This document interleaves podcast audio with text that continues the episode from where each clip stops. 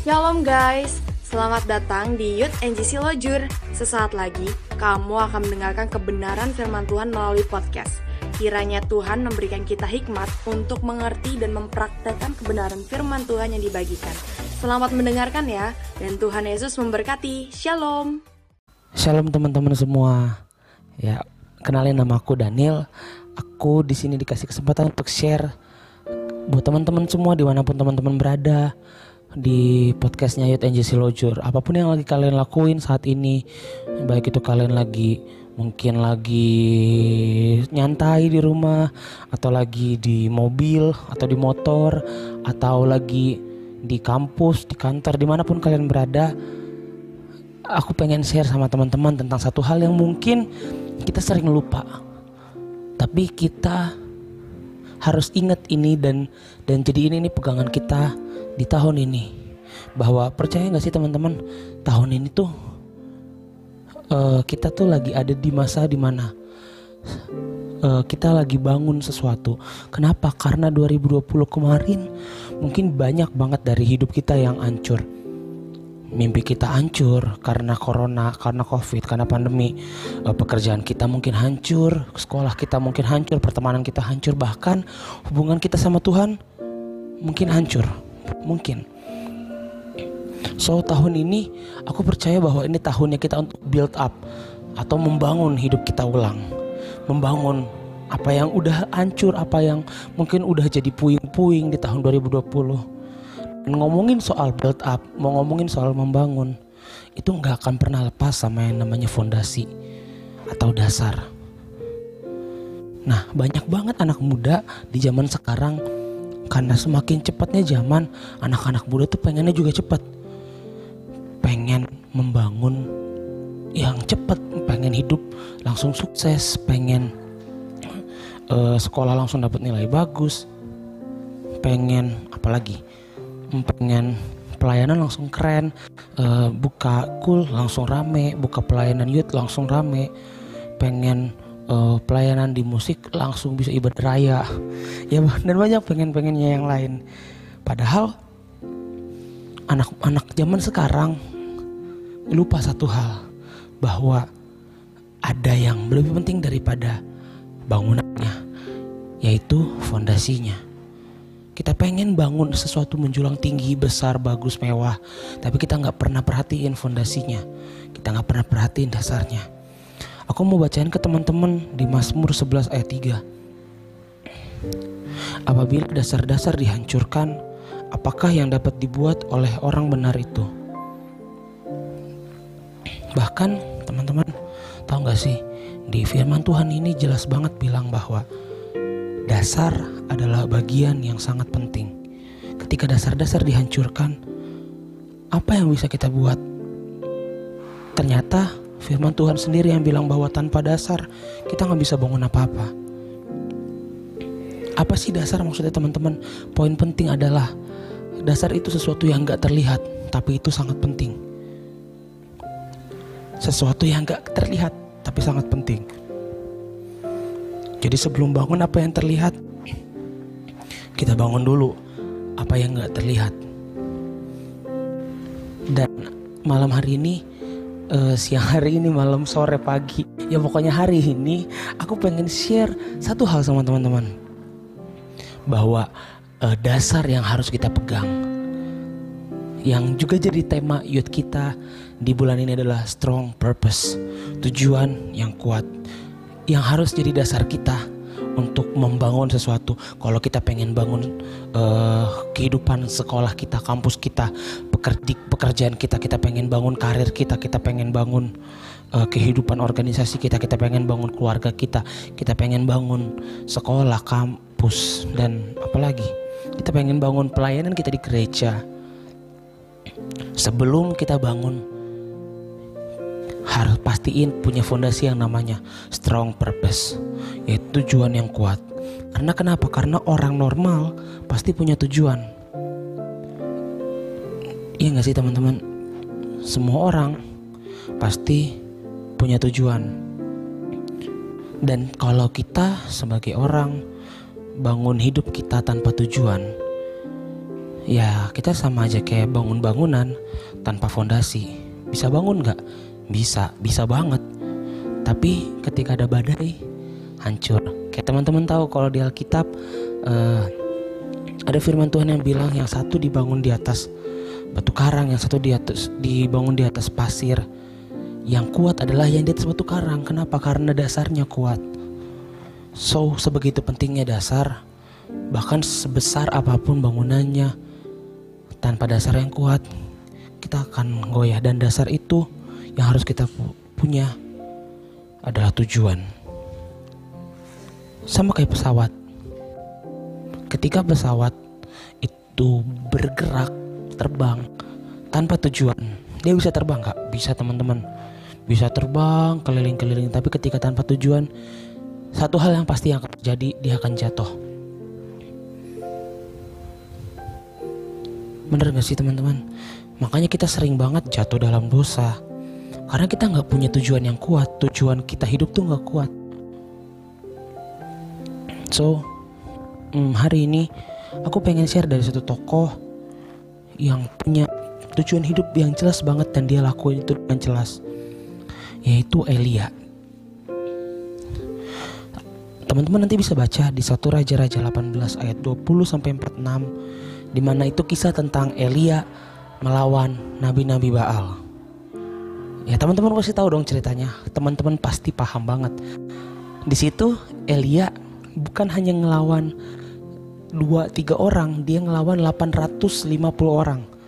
450 yang Nabi Baal, 400-nya lagi Nabi palsu dari Isabel. Isabel itu istrinya Ahab. Nah, tapi kenapa Elia berani untuk lawan nabi-nabi palsu itu. Padahal taruhannya itu nyawa teman-teman. Ya enggak sih? Ya kalau dia gagal dia mati pasti. Tapi kenapa dia berhasil? Cuman satu alasannya karena di, tujuan hidupnya jelas. Apa tujuan hidup Elia teman-teman? Yaitu cuma satu, melayani Tuhan. Dengan cara apa? Dengan cara dia memberitakan kepada bangsa-bangsa bahwa hanya Tuhan Allah yang benar. Iya gak sih? Karena dia punya tujuan hidup yang benar, tujuan hidup yang kuat, dia berani ngalah, dia bisa ngalahin 850 orang. Bukan hanya tujuan hidup yang ada aja enggak, tapi tujuan hidupnya kuat, benar dan kuat. Apa tujuan hidup kita? Pertanyaannya, apa tujuan kita untuk ada di dunia ini? Cuman satu, yaitu sama seperti Elia, melayani Tuhan tapi pasti aplikasinya berbeda uh, tindakannya berbeda mungkin di zamannya Elia dia dipercaya Tuhan sebagai nabi kita belum tentu bisa sama seperti Elia dipercayakan seperti Elia tapi kita punya yang namanya talenta kita punya yang namanya uh, mimpi, kita punya yang namanya hidup, keluarga, uh, lingkungan. Pakai semua itu supaya kita bisa melayani Tuhan melalui dengan cara melayani sesama. Kita bisa pakai talenta kita, kita bisa pakai mimpi kita, kita bisa pakai harapan kita, kita bisa pakai perkataan kita, kita bisa pakai apa pun untuk jadi berkat di mana di kantor, di gereja, di sekolah, di kampus, di rumah, di mana pun kita bisa jadi berkat dan bisa melayani Tuhan dengan cara melayani sesama. Iya gak sih teman-teman? Sama seperti Elia. Elia melayani Tuhan dengan menyelamatkan sesama. Itu fungsi hidup kita, itu tujuan hidup kita. Ketika kita nggak punya tujuan yang benar dan kuat itu, hidup kita akan sia-sia. Kenapa kita harus punya tujuan yang kuat? Karena ada tiga hal yang akan terjadi ketika kita punya tujuan yang benar dan kuat ini. Dan kita akan belajar sama-sama dari Elia. Yang pertama, tujuan yang kuat dan benar ini menentukan keputusan.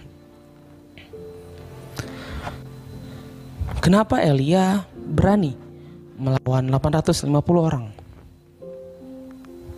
Bukan cuma 100, 200, tapi 850. Itu jelas angka yang banyak banget teman-teman. Tapi alasannya cuma satu, karena dia punya tujuan hidup yang jelas dan kuat. Dan tujuan itu menentukan keputusan. Karena kalau Elia nggak punya tujuan yang jelas, dia nggak akan berani ambil keputusan. Iya nggak sih? Sama kayak gini. Ketika kita punya tujuan, misalnya kita uh, main alat musik nih, belajar alat musik, tujuannya untuk contoh ya, untuk menarik perhatian lawan jenis. Apalagi lawan jenis yang kita pengen, ya kan? Nah, ketika uh, ketika nggak ada lawan jenis yang kita pengen ketika kita nggak punya tujuan itu kita mau nggak belajar musik enggak ya nggak sih kita cuma mau belajar kita cuma mau main musik. Ketika ada orang yang pengen kita deketin atau yang kita suka. Kenapa? Karena itu tujuannya. Tujuan itu menentukan keputusan kita. Kita memutuskan untuk A memutuskan untuk B memutuskan untuk C. Nah kebanyakan anak muda zaman sekarang nggak berani ambil keputusan dalam hidup kita. Eh dalam hidup mereka. Dalam hidup anak muda. Kenapa? Karena anak muda zaman sekarang maunya mengalir aja. Udahlah ikut arus aja atau mungkin ada yang yes man aja. Yes man tuh artinya ya udah iyain aja semuanya. Padahal nggak bisa. Karena tujuan yang jelas akan menentukan keputusan dan keputusan itu ada iya dan ada tidak dan itu semua ditentukan ditentukan oleh tujuan karena kalau kita iya iya aja atau mengalir aja cuman satu hal alasannya karena kita nggak punya tujuan yang jelas nah ini notes buat para cewek-cewek yang lagi kasmaran gitu kan yang lagi jatuh cinta uh, make uh, notice hal ini oke okay. oke okay, ini notes buat yang cewek-cewek uh, jangan pernah mau untuk pacaran sama cowok yang gak punya tujuan hidup yang jelas. Sekali lagi aku mau share mungkin buat para wanita yang dengerin ini. Jangan pernah mau pacaran sama cowok yang gak jelas Yang gak punya tujuan hidup yang jelas. Karena kalau dia aja gak punya tujuan hidup buat hidupnya Dia gak mungkin punya tujuan hidup buat dirimu. Serius. Dan untuk cowok juga jangan pernah berani-berani kalian deketin cewek kalau kalian gak punya tujuan hidup dulu. Karena kalau kalian deketin cewek tanpa kalian punya tujuan hidup yang ada kalian pasti punya tujuan yang aneh untuk cewek itu. ya entah tujuannya cuma buat ya kalau anak zaman sekarang tuh biasanya bilang ya biar nggak sepi aja ke HP biar ada yang nyemangatin biar ada yang ngechatin. Halah nah, Atau biar buat gaul-gaulan aja kak. Soalnya teman-temanku udah pada pacaran semua. Atau mungkin ada yang bilang Ya biar gue bisa yang aneh-aneh. Enggak Cowok-cowok juga pastiin Kalian punya tujuan hidup yang jelas Karena percaya tanpa tujuan Kita nggak akan pernah punya keputusan. So itu yang pertama Dan yang kedua Tujuan yang kuat menentukan tindakan. Ketika tujuan Elia jelas dia udah ngambil keputusan nih. Apa yang harus dia lakuin selanjutnya? Do something bertindak. Dia tantang 850 nabi palsu itu. Tanpa tujuan yang jelas kita nggak akan pernah bertindak makanya kebanyakan kita jarang bertindak. Kenapa? Karena tujuannya kurang kuat tujuannya kurang jelas. Kita pengen bangun karir kita pengen bangun bisnis kita pengen bangun uh, skill kita pengen bangun apa pun. Tapi itu cuma jadi wacana. Gak punya tindakan karena tujuannya kurang kuat. Makanya kenapa banyak orang akhirnya menyerah menyerah menyerah hidup di kampus menyerah hidup di kantor menyerah di sekolah menyerah apalagi menyerah dengan keluarganya menyerah dengan lingkungannya menyerah dengan pelayanannya pelayanannya karena satu hal karena nggak punya tujuan yang jelas Bahkan banyak anak muda yang jatuh dalam dosa jatuh terus jatuh terus kenapa? Karena nggak punya tujuan yang kuat. Apa tujuan yang dia nggak pengen menyenangkan hati Tuhan? So pertanyaannya sama kita semua di hari ini, apakah kita punya tujuan yang kuat? Karena kalau kita punya tujuan yang kuat, kita pasti akan bertindak. Dan yang terakhir, Tujuan yang kuat menentukan hasil. Kalau tujuan kita kuat dan jelas, percaya deh, hasil itu pasti mantap. Ya karena kita bisa lihat dari Elia ketika tujuannya kuat, jelas dan lebih lebih lagi tujuannya benar di hadapan Kristus, menyenangkan hati Kristus. Elia menang. Pertanyaannya sekarang, kita pengen nggak menang? Kalau pengen, miliki tujuan yang kuat. Karena tanpa tujuan yang kuat, ya kita nggak akan pernah bisa ambil keputusan dan nggak akan berani bertindak dan nggak akan pernah menang. So pertanyaannya sekarang, apa tujuan hidup?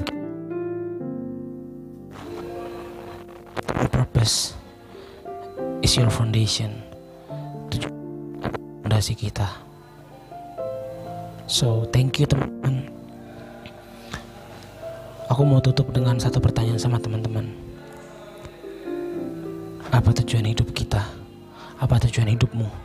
Apa tujuan hidup kita semua yang mendengarkan ini? Apa tujuan pelayananmu? Apa tujuanmu? Pikirkan itu setiap hari. Terus renungkan itu setiap hari agar tujuan kita semakin kuat dan semakin tajam. Thank you teman-teman. Hope this will bless you and God bless you.